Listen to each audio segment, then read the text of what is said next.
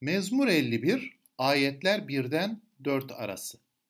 Ey Tanrı, sevgine göre bana acı, merhametinin çokluğuna göre isyanlarımı sil. Fesadımdan beni büsbütün yıka ve suçumdan beni temizle. Çünkü isyanlarımı bilirim ve suçum daima önümdedir.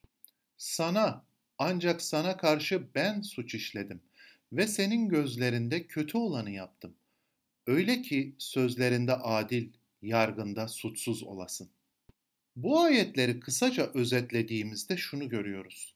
Sevgi ve merhamet dilenme ile başlıyor bu dua birinci ayette yani. Fesat ve suçtan temizlenme isteğini görüyoruz peşinden ikinci ayette. İsyanın ve suçun açık bir şekilde kabullenilmiş olduğunu görüyoruz üçüncü ayette. Ve adil bir yargılanmada suçlu olacağını bilerekten dua eden bir kişi çıkıyor dördüncü ayette.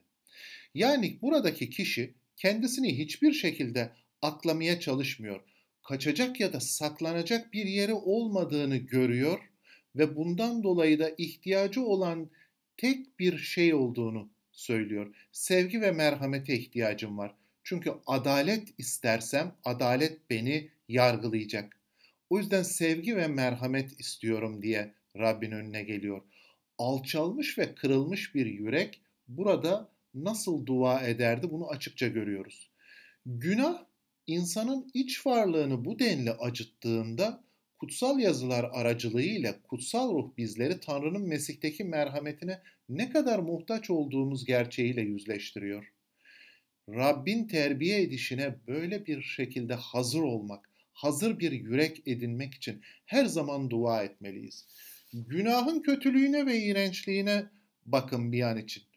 Günaha karşı böyle hassas bir yürek edinmek için dua etmeliyiz öncelikle ve bağışlanmayı dilemeliyiz sonrasında elbette. Bu dua aracılığıyla Mesih'e baktığımızda şunu görüyoruz. Tanrı çarmıhta günahı gazapla yargıladığını gösteriyor.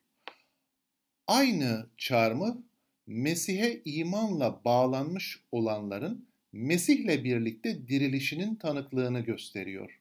Yani diriliş bizler için kurtuluşumuz sonsuz yaşam anlamına gelmektedir.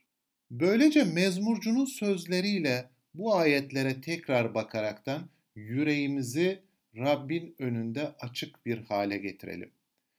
Ey Tanrım, sevgine göre bana acı ve fesadımdan beni büsbütün yıka.'' Ve merhametinin çokluğuna göre isyanlarımı sil ve suçumdan beni temizle. Suçum daima önümdedir. Sevgine göre bana acı. Çünkü senin gözünde kötü olanı yaptım. Yargıların adildir. Merhametinin çokluğuna göre isyanlarımı sil. Hükmün kötülüğümü açığa çıkardı ve sevgine göre bana acı. Çünkü bol olan merhamet sendedir.'' Çok olan merhametinle isyanlarımı sil. Sen kutsalsın, bana merhamet eyle.